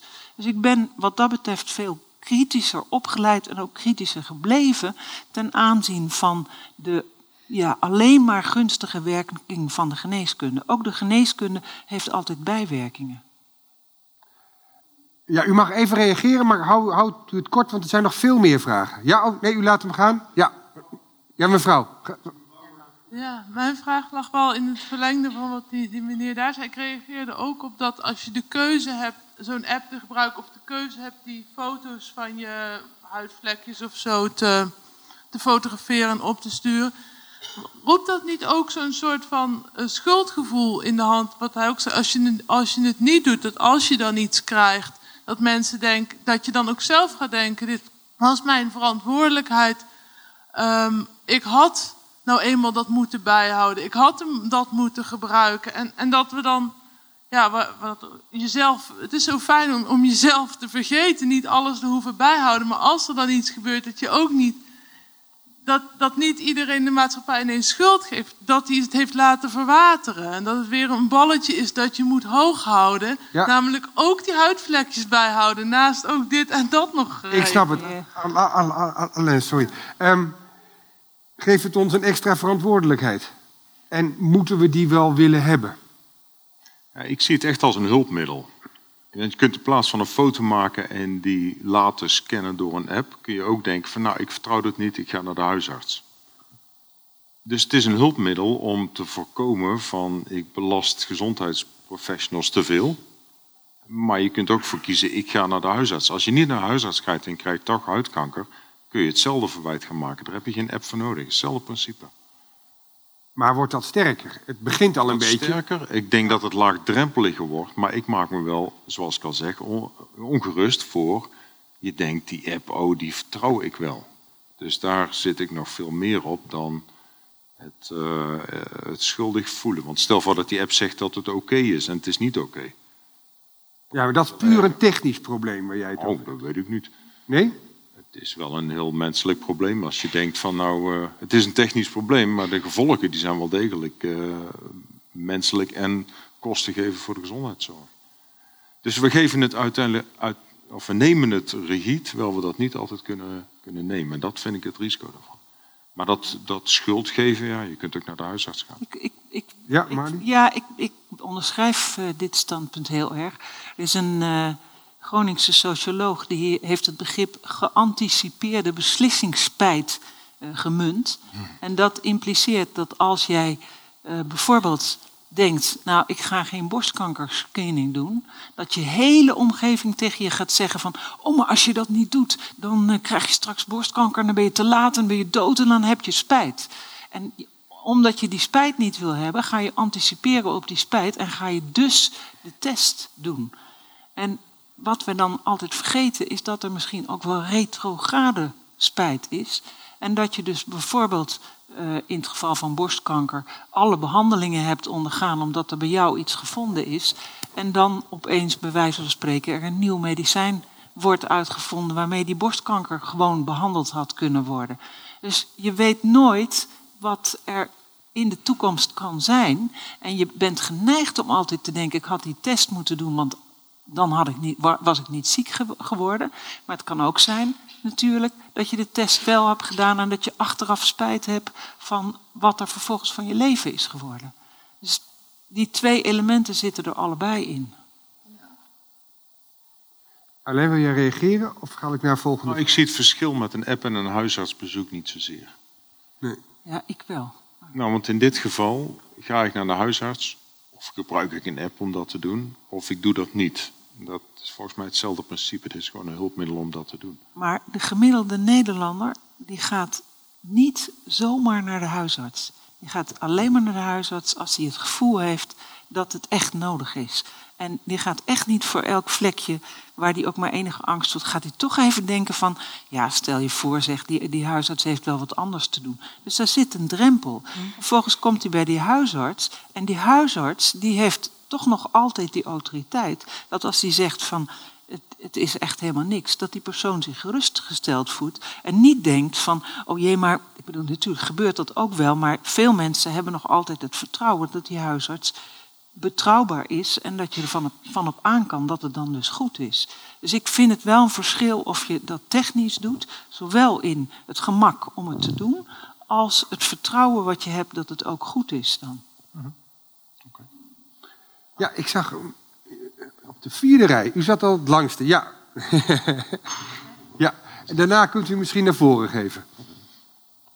Uh, mijn kinderen die weten heel goed wat voor weer het wordt door op buienradar te kijken en niet door naar de wolken te kijken. Uh, verleren wij als mensen om naar ons lichaam te luisteren op het moment dat we alles meten? Ja, ik vind het een prachtig voorbeeld. Ik heb drie wielenwedstrijden de afgelopen week laten schieten omdat het zou gaan regenen. Het heeft drie keer niet geregend en ik voel me pest heb ik erin. Ja. Ja, u heeft helemaal, ik vind het een prachtige vraag. Alleen, wordt het een soort buienradar waardoor we niet meer echt leven? Dat is een heel nou ja, waardoor we niet meer echt kunnen voelen wat er met ons lichaam gebeurt, omdat we vertrouwen op de metingen. Ik denk dat het wel een gevaar is als wij volledig vertrouwen op die digitale monitoring dan geef je dat initiatief uit handen. Um, ja, dat deden we ook met de auto. Hè? Er zijn nu bandenmeters die meten hoeveel luchtdruk je in de banden hebt. Uh, daar vertrouw je op. Want als je een lekke band hebt, dan krijg je al een dashboardwaarschuwing. Uh, Vroeger moesten we naar de pomp, moesten we dus aansluiten. Dan meet je, je moet eerst opzoeken hoeveel de bandenspanning echt moest zijn. Enzovoort. En nu is het automatisch. Ja, is dat, is dat erg? Ja, weet ik niet. Ik vind het heerlijk dat mijn, mijn auto volledig zichzelf monitort. Daar heb ik geen omkijken naar. Dus als ik gewoon normaal zou zijn en ik krijg pas een lampje, zou ik zelf niet zo heel erg vinden. Ja, Leen, nu gaat het over jezelf. Nu gaat het over jezelf, waar je eigenlijk dan de kennis die we nu zelf hebben, uitbesteedt aan je smartphone. Ja. Nou, het, ik, we gebruiken ik, maar het gaat ook over onze naasten. mijn ouders die hadden afgelopen jaar hebben ze zware gezondheidsproblemen gehad. Ik zou het heerlijk vinden als ik bij hun een monitor op kon doen.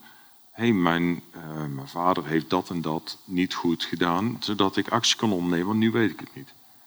Uh, kinderen hetzelfde verhaal. Dus je, ik, ik zie het als een hulpmiddel, ook op afstand voor je naasten. Dus, maar ja, goed. Wil je op reageren? Of gaan we, ik zie heel veel vragen, dus ik ga ook graag nou ja, naar de zaal. Ik, ik, vind, ik ben het hier heel erg mee eens. Ik, ik zou het menselijk lichaam ook nooit met een auto vergelijken... of met welke machine ook omdat ik zou denken, ja, een, menselijk lichaam is zoveel complexer dan een auto. En het is ook niet, ik bedoel, ik heb nog nooit een auto met een psyche gezien, terwijl mijn mensen een psyche hebben. En ja, die oude zelfzorg is juist ook heel erg dat je je eigen lichaam kent. Dat je weet van, hé, hey, nu is dat lichaam, heeft, heeft te weinig geslapen, dus moet ik gewoon meer slapen. Daar heb je helemaal geen app voor nodig. Je weet toch zelf wel of je genoeg geslapen hebt. Uh, je weet toch zelf ook wel of je genoeg bewegen, bewogen hebt. Dan voel je de nadelen. En denk je, ja, ik moet toch wat meer gaan bewegen. Of je man of vrouw zegt van, nou, je zit wel erg veel voor die tv, ga eens even. En dan denk je, ja, dat soort menselijke en intermenselijke elementen zijn toch veel belangrijker dan dat je dat allemaal aan de technologie overdraagt.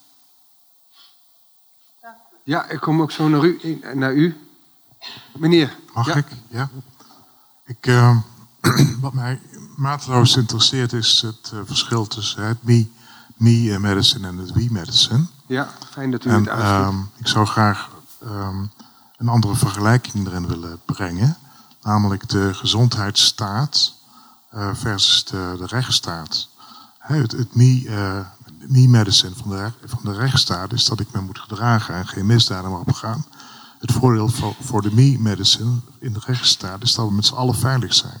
Dus zeg maar de, de, gedachtegang dat doordat je uh, gedragingen bij jezelf uh, uh, neerlegt, al of niet vrijwillig in het begin, gaan leiden tot een, tot een, tot een, een gemeenschap, tot een maatschappij, die voordelen heeft bij een bepaald, bepaald individueel gedrag.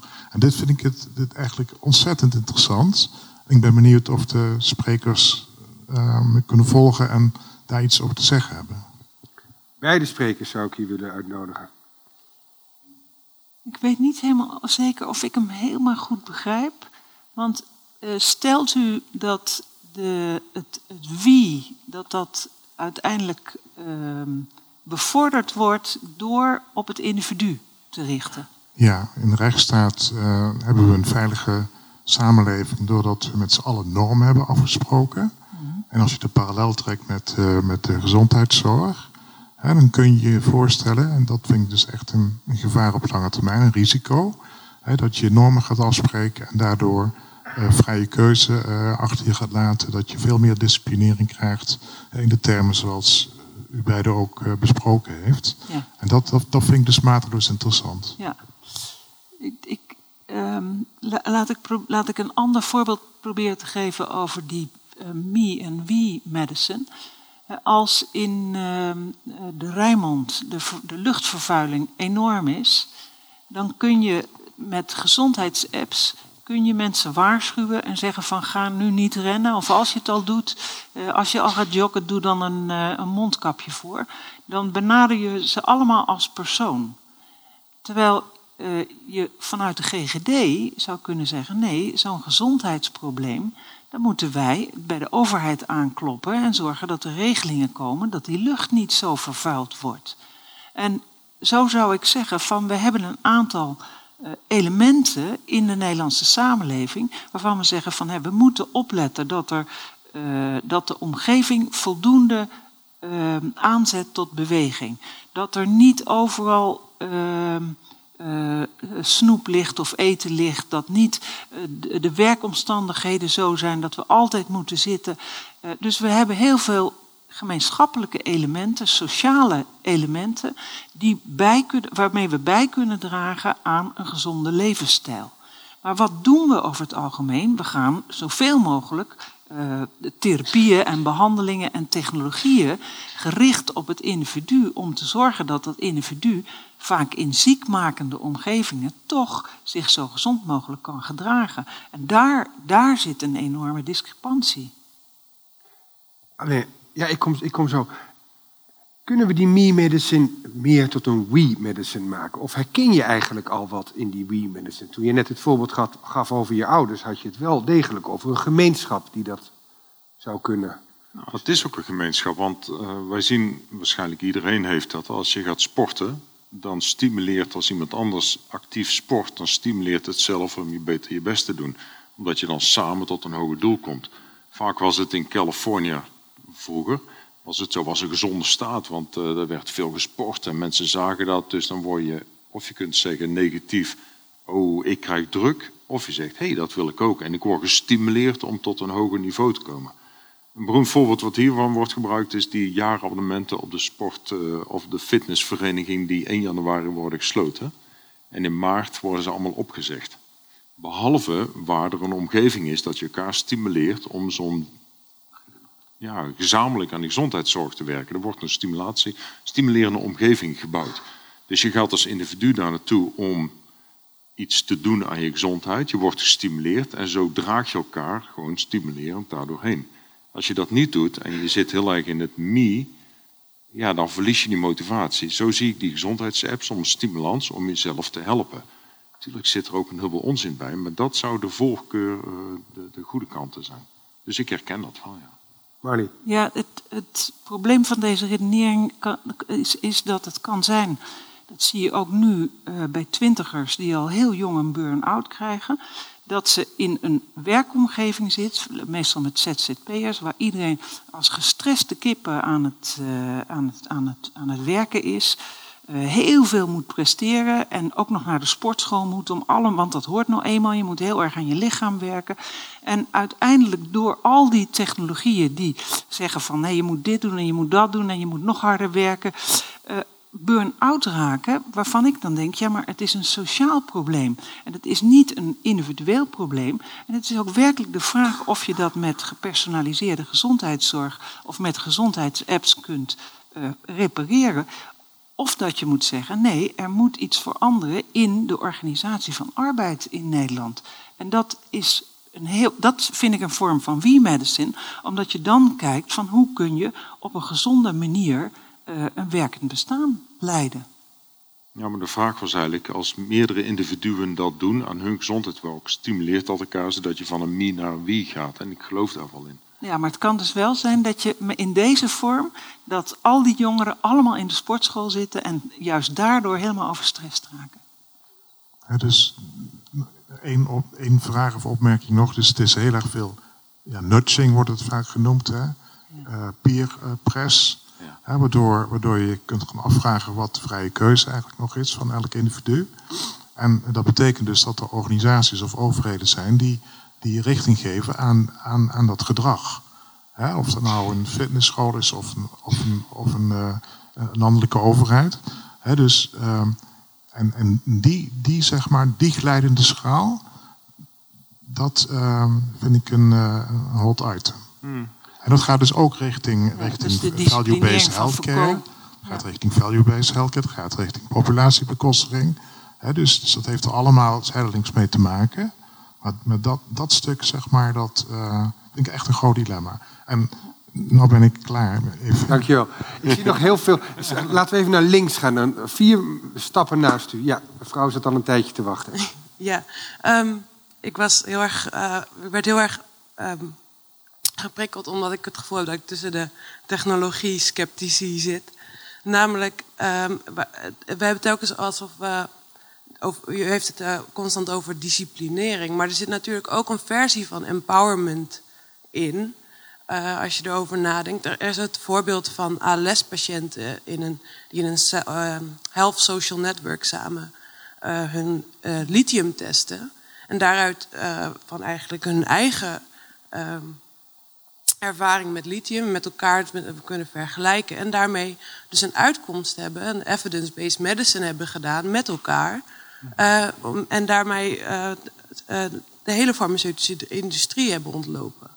En mhm. hetzelfde soort, ook mevrouw achter me zegt, onze ervaring, we zijn toch geen auto's. Maar sommige, daar zit natuurlijk ook een soort van mindfulness in. Als je op een gegeven moment snapt, net zoals dat onze biologische klok is, hebben we met tijd geïntegreerd en geïnternaliseerd. En daar ben ik, heb ik heel veel plezier van, want ik heb ongeveer tijd wanneer het idee, nou, ik heb nog zoveel tijd wanneer ik de deur uit moet gaan. En zo kan de technologie ons ook ergens bij helpen. Dus Mag ik heel even op dat, als, op dat ALS-voorbeeld ingaan? Want is dat niet eigenlijk, over dat lithium, een voorbeeld van wat Marley vroeg... zijn er nog meer voorbeelden van we-medicine? Dat zei van, ik heb er nog niet zoveel. Je gaf het voorbeeld van die app over die psychi Kijk, ik ken, ik ken dit voorbeeld en het is inderdaad opgezet door twee mensen... die zelf uh, eh, ALS uh, eh, hadden. Wat ik dan wel ingewikkeld vind, want ik begreep dat zij... maar uh, corrigeer me als ik het fout heb, dat zij vervolgens wel met de farmaceutische industrie in zee zijn gegaan. En, um, waarbij nou ja, je dan niet zo goed meer... Van, het, zeg maar, het geeft... Het, het gaat mij in principe het, om het idee daarachter is dat je ook als je iets zelf meet en besluit er zelf wat mee te doen, geeft dat allerlei handelingsopties die je daarvoor niet had. En dat maakt het ook laagdrempeliger. Op het moment dat jij. Ik, ik, ga, ik heb nu geen health app. Maar op het moment dat ik mij astma heb en of, of, in een slechte conditie voel, dan grijp ik misschien ook naar die stappensteller om mezelf te helpen. Hmm. Waarom is dat niet ook een goed ding? Dat vraag ik me dan af. Waarom moeten we alleen maar, waarom is het alleen maar een negatieve? Dit lijkt me er even op Marley. Ja, ik, ik, ik zou in dat geval dus zeggen. Ehm, kijk of je als, uh, als lotgenoten uh, met ontwerpers om de tafel kan gaan zitten en gaan kijken wat, wat werkelijk voor jullie een belangrijk, of een goed leven is of wat je belangrijk vindt. En van daaruit de apps opbouwen.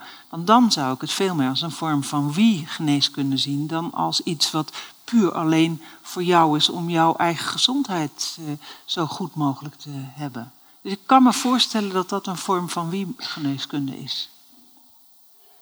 Ja, ik, ja, jij zit ook al heel lang en mevrouw achterin zit ook al vrij lang. Misschien kan iemand even hier. Ja, hij komt je toe, aan de andere kant.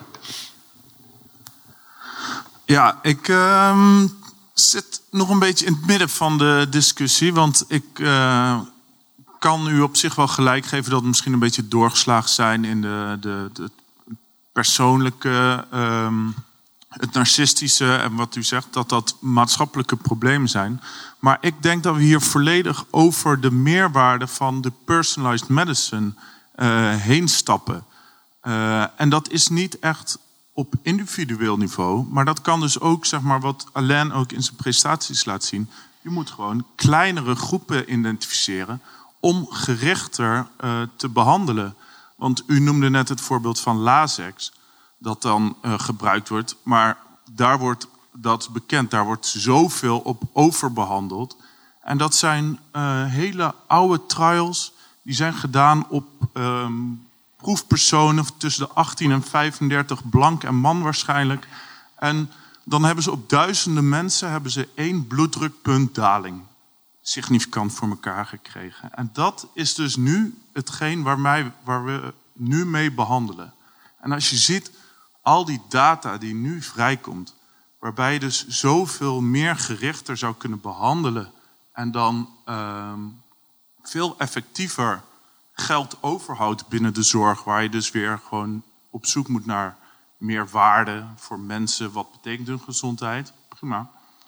En um, ik denk alleen dus dat je moet oppassen dat je dus uh, de persoon beschermt. En dan dus uh, wat je zegt dat al die health apps die data verzamelen, dat dat naar overheden gaat. Dus ik denk dat dat veel meer op een stukje uh, data-eigenaarschap en dataveiligheid zit. Zodat je daar niet als individu de dupe van kan worden. Maar ik denk dat je daar als groep nog zoveel meer uh, winst te behalen valt. Dat dat alleen maar uh, ja, goed gaat zijn voor de maatschappij. Data, dat was inderdaad al een paar, je noemde het. Kunnen we daar iets anders mee omgaan, zodat het niet onmiddellijk in handen komt van ondernemers die grof geld eraan willen ver, ja, misschien moet ik even iets rechtzetten. Die 162.000 apps, daar is ongeveer 99,9 procent, ik kan het nog precies uitzoeken, door gebruikers geïnitieerd. Er zijn er, laat zeggen, duizend daarvan die met de commercieel belang letterlijk met die megapartijen, net als een Apple en een Google, zo gemonitord worden. Met marketeers erachter. De rest komt van patiëntenorganisaties om mensen te helpen om dat te doen. En dat is even los van de opmerking die je plaatste. Maar de databorging daarin, dat is een supergroot probleem. We hebben pas geleden dus hier in het Radboud hebben we een, uh, een hele Parkinson-netwerk hebben we afgesproken met een dochter van Google om dat veel beter te begeleiden, waarbij data security super hoog op nummer 1 staat. Dat je wel die veilige omgeving kunt maken, zo'n decentraal netwerk, om elkaar te helpen, precies als dat lithium voorbeeld, maar niet dat dat over de hele wereld verspreid wordt. En daar ligt ongelooflijk veel focus op om die data wel in een groep te kunnen delen, alsof je een groepstherapie hebt, maar niet dat het op straat ligt. Daar zijn voorbeelden van, uh, met heel de blockchain vanuit de bankenwereld. Nou, die wordt nu massaal toegepast op dit soort apps om ook die veiligheid te waarborgen. Zijn we daar al? Nee, nog niet. Maar dat, dat is een heel, heel valide punt. Absoluut. Marnie nog? Ja, ik, ik ben het hier uh, helemaal mee eens. Het is heel belangrijk om te zorgen dat die data ofwel in uh, publiek bezit zijn, uh, dus dat het overheidsdatabanken zijn of gekoppeld aan de universiteiten. En uh, je zou feitelijk zeggen dat de data die, al, die Google et cetera allemaal verzamelen over onze gezondheidszorg, dat, je, dat we daar ook op een of andere manier ofwel publiek eigenaar ofwel als persoon eigen, uh, eigenaar van zouden moeten zijn. Dat is op dit moment niet zo. En wat er wel gebeurt, ik weet niet of dat in Nederland gebeurt, maar in Engeland wel, is dat data van de National Health Service gekoppeld worden met data van Google, et cetera. En dan weet je eigenlijk als patiënt helemaal niet meer wat er met je data gebeurt. En dat vind ik heel problematisch. En ik denk vandaar zou je eigenlijk, ja, daar moet je uitgebreide wetgeving, Europese regelgeving over hebben, krijgen. Om te zorgen dat dat eigenaarschap veel beter beschermd is. Ik ga naar een laatste vraag. Eigenlijk een heel klein beetje, want een universiteit dat is leuk, maar ik denk niet dat die veiliger zijn dan een duidelijke databank. Dus daar moeten we wel duidelijk even dezelfde gelden, gelden dezelfde schermen voor natuurlijk. Die zijn waarschijnlijk veel lekker dan een onafhankelijke organisatie als een trusted third party die vaak wordt gebruikt. Ja, dat, maar hebt, dat punt is nog niet helemaal je hebt, je hebt de veiligheid, maar je hebt er ook wat er met de data gebeurt. En de data die wij geven over, over ons slaapmechanismes, et cetera, daar, daar worden algoritmes, algoritmes op losgelaten. Daar worden mensen vervolgens gestuurd met uh, allerlei uh, adviezen.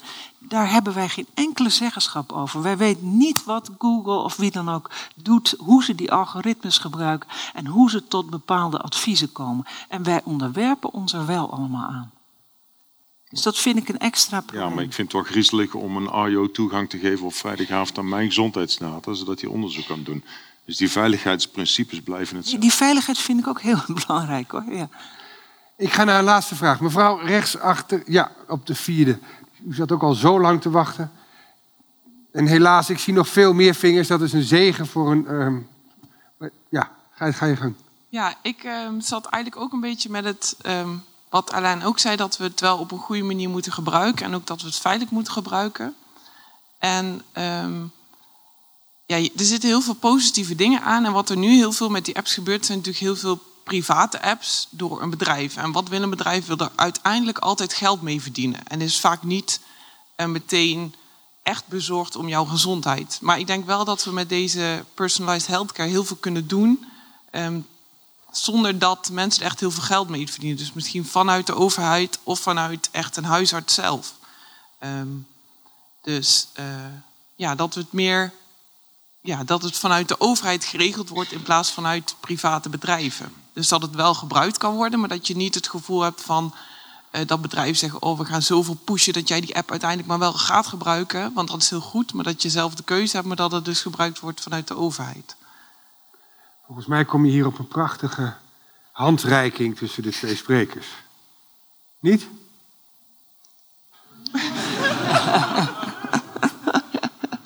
Ik weet het niet, want ik, ik weet werkelijk niet of wij die, die uh, softwarefabrikanten buiten de deur kunnen houden. En er wordt zo ongelooflijk veel geld verdiend met uh, apps.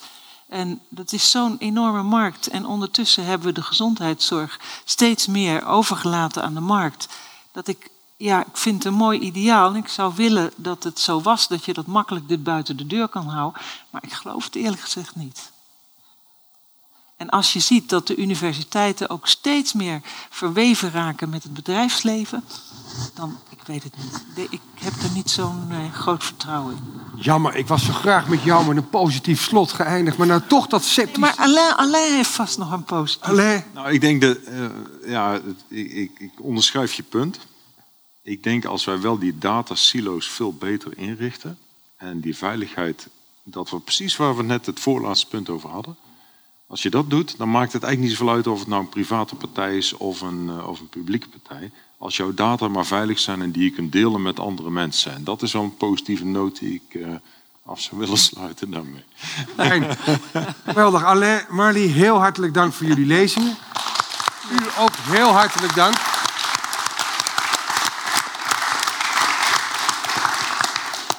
En vast tot een volgende lezing in de maand van de ethiek. Tot ziens en bedankt.